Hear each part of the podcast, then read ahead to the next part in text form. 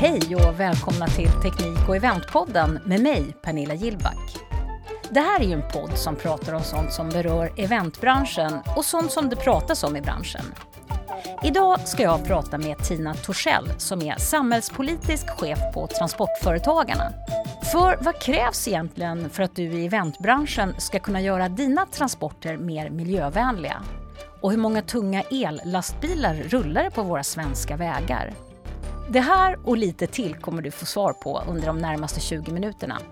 Nu är det väl kanske inte riktigt så att det här avsnittet kommer lösa världens miljökris tyvärr. Men kanske får du några tips som kan göra att du somnar med ett lite grönare samvete. Så nu kör vi!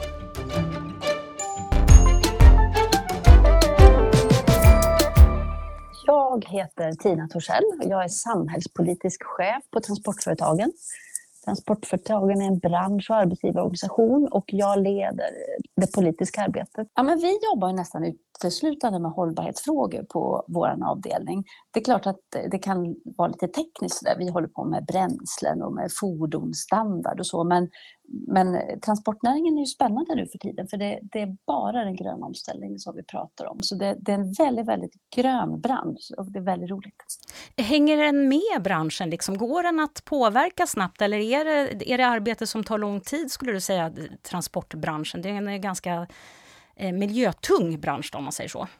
Absolut. Nej, men jag, tycker, eh, jag tycker att transportnäringen verkligen hänger med och att jag tycker också att branschen är, den är lite mer progressiv än vad den ser ut från utsidan. Jag tror att många har en gammaldags bild av att lastbilar kommer dundrande och sprutar diesel eh, och avgaser. Men, men så ser det faktiskt inte ut. Utan eh, våra, eh, våran bransch har fattat hur viktig omställningen är.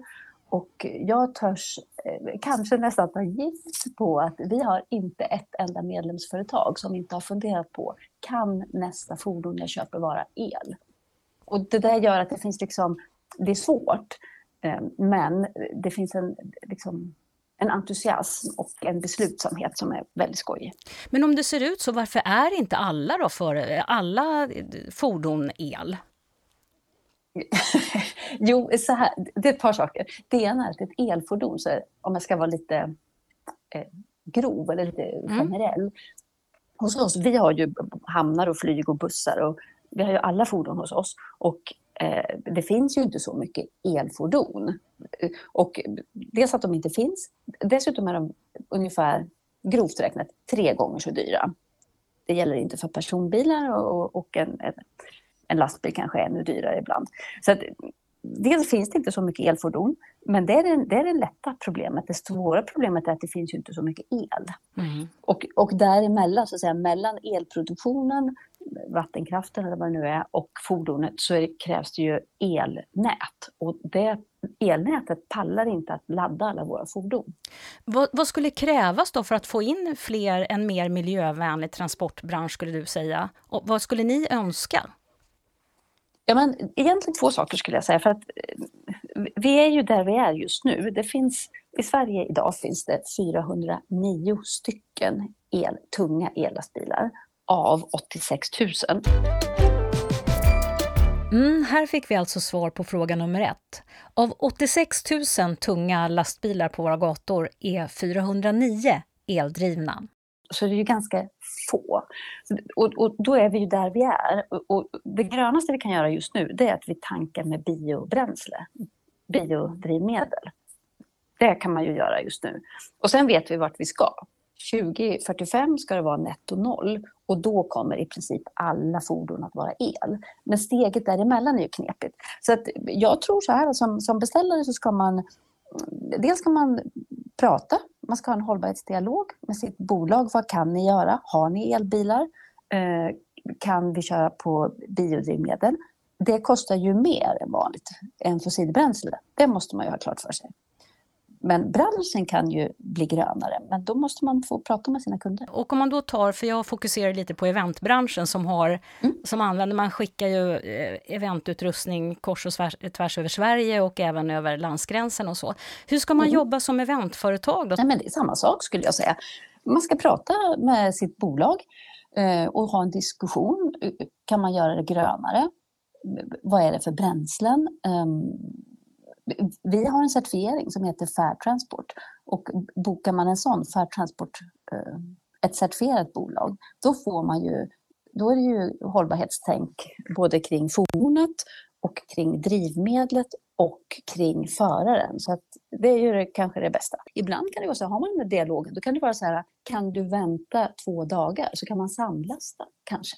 Så det finns lite samtal. Men jag tänker, där är ju också eventbranschen lite speciell. För, för det kan, de kan ju ofta inte vänta mellan 9 och 12, utan de det kommer ju folk, vi måste ha dit all utrustning klockan 11. Är det någonting som ställer mm. till det miljömässigt skulle du säga? Nej, det tror jag inte. Eh, utan, eh, jag tror egentligen att, att transportörerna får lite tid att planera. Då kan man ju, då, om man samlastar då kanske man levererar en del före eller tar en del efteråt. Så det tror jag inte. Ofta är det tiden som driver på. Att man inte hinner med kanske ruttoptimera eller så. Och sen också, liksom, är det ekonomiskt försvarbart tänker jag om man har som eventbransch så har man ju liksom en slutkund. Mm. Hur Är det ekonomiskt försvarbart då att ta ett miljövänligare? Ja, men det tycker jag. alltså, så här, det är klart, om hela Sverige ska vara koldioxidneutralt 2045, det är klart att all, det kommer att kosta pengar för alla. Så är det. Eh, så att jag tror nog att på lång sikt är det ekonomiskt försvarbart. Men, men så, det är klart att det är billigare att, att, att köra på fossildiesel och inga elbilar. Det är klart att det är billigare. Men jag, vet inte om, jag tror inte man kan sova så gott med det samvetet. Nej, men vad är det som gör då att, den här, att, det här, att man liksom inte hänger... Alltså man, att man inte tänker, nu talar inte jag speciellt om eventbranschen, men Nej. hela tiden, det finns ju ett väldigt kortsiktigt tänk. Vad skulle krävas, tror du, för att göra den här omställningen snabbare? Skulle man kunna styra uppifrån? Mm. Eh, ja, alltså politiken styr nu för tiden styr ju politiken jättehårt uppifrån. Eh, och för, så det, det, tror jag man måste säga, att den här, så långt som vi har kommit i omställningen Eh, det hade vi ju inte kommit utan till exempel det här 70% målet som är politiskt satt. Så att jag tycker att politiken driver på rätt bra. Det som har varit ett problem tycker jag, det är att politiken har drivit på att branschen ska minska utsläppen med 70% Fine, alla bonheur, vi mm. siktar på det. Men sen har man då inte sett till att det finns el eller elnät. Och då, det blir ju lite som liksom att hänga upp den där moroten eller piskan på 70 procent och sen sätta en ögonbindel på branschen och sen så piska på att de ska köra fortare. Det, det funkar inte. Så att, nej, jag tycker att politiken har drivit på rätt bra. Utan det som saknas nu det är ju att politiken själv behöver ta ett ansvar. Alltså man, kan, man kan förvänta sig mycket av transportnäringen och av transportköpare kanske. Men, mm. men, men man, politiken måste också hjälpa till. Alltså, det här är ju en bransch med ganska små bolag, många har så sju bilar. Bara det att köpa ett elfordon som är dubbelt så dyrt, det är en stor investering. Men andra måste hjälpa till, offentliga måste hjälpa till och kunderna måste också ta en del av ansvaret, tyvärr. Hur ska man få kunderna att förstå det? Jag vet inte riktigt. Det, om du, kan, du kanske inte får Nobelpris, men du får antagligen mitt jobb om du kan lösa den frågan. Ja, ja bra. nej, nej, men så det är klart att vi försöker. Och vi försöker lyfta det här Fair Transport och vi försöker möta politiken. Vi vill till exempel väldigt gärna om alla som köper transporter för skattemedel, alltså alla offentliga beställare, om de skulle kräva Fair Transport-certifiering, det är klart att då, ja, då skulle det gå lite snabbare. Mm. Men det är svårt. Mm. Eh, finns det på något sätt man skulle, som jag tänker från eventbranschen då, skulle man kunna, eh, finns det något sätt man skulle kunna prata med sin slutkund på för att göra, säga, ja men vi är lite dyrare men vi har... Mm. Ja, men jag, förlåt om jag tjatar, men jag tror ju på det där Fair Transport, för då får man ju dessutom en stämpel. Eller så här, ja, det, det, är liksom en märkning och då, då, skulle man kunna visa det för sin slutkund. Så här, vi kör Fair Transport. Det är inte så fasligt mycket dyrare ska jag säga med Fair Transport, för det, det är ganska, man kan lägga sig på en liksom, basnivå och, och då får man liksom kollektivavtalsliknande villkor och man får så här reduktionspliktad diesel så att, och moderna bilar.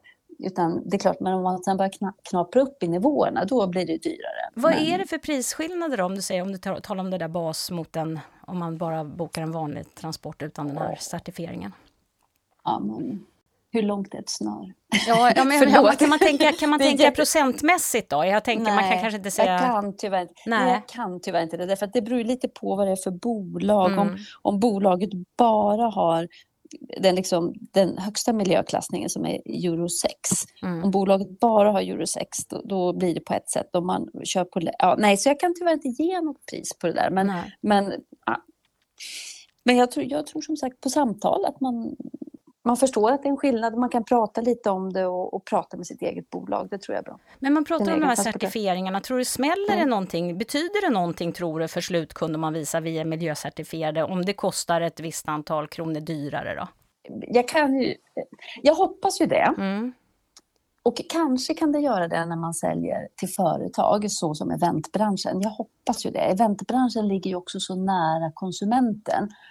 Så jag hoppas det. Men om, vi, om jag bara sneglar liksom på e-handeln till exempel. Mm. Där, då vet ju vi att när, när folk sitter i checkouten och ska boka en transport så vet ju vi att det är det billigaste som de flesta väljer det billigaste. Ja. Och säger man så här, man, om det är liksom en grön stämpel på något eller så eh, och det kostar 10 kronor mer så väljer man inte det. Så, och det där är ju ett, liksom, ja. det där är ett mänskligt, ett mänskligt problem att alla säger så här, åh jag är så grön, ja. åh jag motionerar, yoga varje morgon, åh. Ja. och sen så vet vi att det är bara att titta i den där checkouten, vi vet ju att de den där extra tian är man inte beredd att betala. Nej, det är, det är mm. konstigt. Mm. Ja. Men det här med miljözon i city, hur ser ni på det? Ja, den, det, det, det krånglar till saker och ting måste jag säga. Det är lite klåfingrigt. Så här, ja, det blir lite klåfingrigt. För att då kan man ju inte köra med alla bilar överallt. Och ofta när vi pratar med folk om transporter så, så säger man så här, ruttoptimering, absolut. Vi, om vi ska köra de kortaste sträckorna, vara inne i innerstan så, så kort tid som möjligt. Då kanske man också behöver kunna röra sig, att liksom samma bil lastar och lossar och så här. Men nu helt plötsligt så får ju vi en stor klutt mitt inne i stan eh, dit vi inte kan åka. Jag höll på att säga Nalen ligger där, men det gör den väl i och för sig inte. Men, eh, men det finns ju massor med restauranger och, och, och ställen. Och eventlokaler. Ja, ja, som vi nu måste runda. Eller, eller lasta om till någon annan bil. Eller eller så måste vi flytta några av, av de bästa bilarna, elbilarna, som de kanske man har tänkt att de, här borta är ett bra ställe, här finns det laddmöjligheter mm. och här, de passar väldigt bra att köra, vad vet jag, i Gävle. Och sen helt plötsligt så får man riva sönder den där planeringen och köra i Stockholm istället. Så det är lite liksom klåfingrigt. Um, Får jag vara så okunnig nu och säga, är det här mm. klubbat och från när börjar det gälla? Uh, nej, jag tror nej. inte att det är klubbat. Uh, jag, det är ju Stockholms kommun som ska mm. klubba det här. Mm. Men de verkar väldigt beslutsamma. Mm. Uh, förut hade de ju ett förslag att det skulle börja från 1 januari 2024. Mm. Och, och då, vi hade faktiskt helt absurda diskussioner med dem när vi var mm. tvungna att beskriva så här, ni vet att det inte finns några elambulanser. Vi har inga bärgningsbilar på el och det finns inga turistbussar. Så att, och sen har de väl då ändrat det och fattat att okej, okay, vi behöver mera tid. Men det är fortfarande så att det rycker sönder mycket och det är väldigt mycket undantag. Men eh, så nu blir det, som det ser ut just nu, så blir det miljözon från 31 december 2024, alltså från och med 2025. Jag tänker eventbolag då som ligger lite utanför mm. stan för det är lättare logistikmöjligheter där mm. än att om man håller sig mitt i city, liksom, man har lager. Mm. Och sen är mm. det ju mycket körningar in till stan. Mm. Alltså, finns det så mycket elbilar så att det skulle klara av alla de små korta transporterna som ändå går? Eh, ja, på, på, fråga A så är svaret ja. Det finns nog så många lätta ja. lastbilar. På fråga B, nämligen är det begåvat, så är svaret ja. nej. det är inte så begåvat, för då hamnar vi i det här att eh, någonstans så har man ju ställt sina elbilar, man använder ju dem ja. för att som sagt, där, där passar det bra. Där går det att ladda. Samtidigt som man lossar så kan man ladda. Och nu helt plötsligt så måste de in till Stockholms stad och, och, och vi får så att säga runda den här mm. klutten där. Mm. Nej, det, det, om jag klåfingrigt skulle jag säga. Det är politiker som inte kan, som har stoppat fingrarna i fel syltburk på något sätt. Nej, det, ja, jag fattar att de vill väl, ja. men det här blir bara stökigt. Ja, det är lite stökigt och många av besluten fattas ju på en hög nivå. Men här kommer Tina Torssells tips till hur du faktiskt kan hjälpa till att skynda på omställningen. Eh, jag tycker att man ska prata med sitt bolag och så tycker jag man ska säga så här, hur kan vi bli hållbarare tillsammans? Finns det något sätt vad vill, ni ha, vad vill ni ha av oss? För då kan det till exempel vara så att transportbolaget vill säga så här, ja men om vi får köra på onsdagar istället, kan vi få leverera en dag tidigare? Eller vad det nu kan vara. Så det är att prata. Sen tycker jag att man ska använda den här certifieringen Fair Transport. Ehm, det är ganska okomplicerat. Bolagen antingen är de certifierade och, och då har de tagit massor med ansvar. Mycket stort klimatfokus. Så, så det skulle jag säga. Prata med bolaget, fråga vad man kan göra själv och sen fråga om de är Fair Transport-certifierade. Det finns ingen möjlighet att pressa priserna på miljövänligt och få ner dem under en period att, de, att man går lite back till exempel från transportsektorn för att få en omställning? Ja, ja du menar att branschen skulle pressa ja. priserna? Jo, men så, jag, så här, på lång sikt så tror jag att priserna kommer att gå ner. Så är det ju alltid. Tänk bara vad liksom mobiltelefoner på, på 90-talet. De var ju knappt bärbara, de var ju släpbara och kostade liksom fyra månadslöner. Så mm. det är klart att liksom, tekniken kommer att göra att det blir billigare framöver. Men just nu är det ju jättedyrt, särskilt tunga lastbilar. Mm. Lätta lastbilar, de, de är något dyrare men, men det fortfarande. Mm. Så att, ehm, och jag, jag skulle gissa att i branschen så håller man ju på att konkurrera med varandra. Det är mm. klart att man man vill, ju, man vill ju sälja en grön transport, för det vill kunderna ha. Ja. Men man, man försöker hitta den där balansen. Och jag är förstås inte den som är den, så här försöker jag ge Tina Torssell ett litet tips. Skulle man inte på något sätt kunna höja den här Fair Transport, att få upp, eh, mm. höja statusen på den? Åh, jättegärna. Eh, jag tycker vi, vi försöker jättemycket. Eh, vi har precis de sista veckorna har vi bara upptäckt att de de som köper mycket transporter, alltså transportköpare, de har börjat efterfråga färdtransport. Och så har vi någon kommun, Kils kommun i Värmland, efterfrågar färdtransport. Så vi, vi gnuggar på. Det är en ganska gammal certifiering, den har funnits i tio år. Men vi har inte riktigt fått fjong på den. Och Nej, det verkar inte slagit så bra då. Nej, det får inte. Men, eh, men ja, skam det. Vi, vi nöter på. Vilka hinder, vilka hinder ser branschen då? Eller vilka hinder finns det för att ställa om ställa om snabbare? Ja, men vi, vi frågade våra medlemmar faktiskt i en enkät bara för några veckor sedan. Och då pekar man på, det ena är att man, det är räckvidd. Också proffsen har räckviddsångest, laddpunkter och sen att, att fordonen är dyra. Och sen det som kanske berör eventbranschen då, det är att man ser att betalningsviljan hos kunder är inte så stor. Den är ju svår att göra om, tänker jag. Den är ju svår att påverka. Ja, jag vet inte. Jag tänker att alla har ju ett miljömedvetande. Det kan ju inte finnas någon som inte vet att vi står i en klimatkris. Och alla begriper väl att man måste hjälpas åt, det tror jag. Så att, eh, ja, mm. ja det är mm. klart, money talks. Ja, precis. Eh, och sen, vilka möjligheter ser du då framöver? Om vi ska vara lite positiva. Ja men absolut, det ska vi vara. Och det som, det som jag vet att våra medlemmar, det är att de blir ju mer och mer positiva till att hitta nya affärsmöjligheter. Det är liksom en sån siffra som vi ser växer år för år, att man ser affärsmöjligheter. Och eh, då har branschen har också ett eget driv. Liksom. Var, varför skulle du kunna tänka dig att köpa en ellastbil? 67 procent, det är bra för miljön. Så det tycker jag är lite gulligt. Får jag fråga också, jag, jag tänker de här el, för om man tittar på elbilar så är de ofta lite personbilar liksom lite snygga i design och så. Är det likadant med de tunga transporterna, att man får något mer än bara det miljövänliga? Att man, syns det att det är en el? Inte som jag har tänkt på. Det var Nej. en bra fråga. Jag har sett några elastbilar men jag har inte tänkt på att det är någon annan design. Sådär. Så man kanske liksom stöter på en ellastbil utan att veta ja. om det man kör förbi? Ja. ja, det finns ju 400 stycken som rullar på vägarna.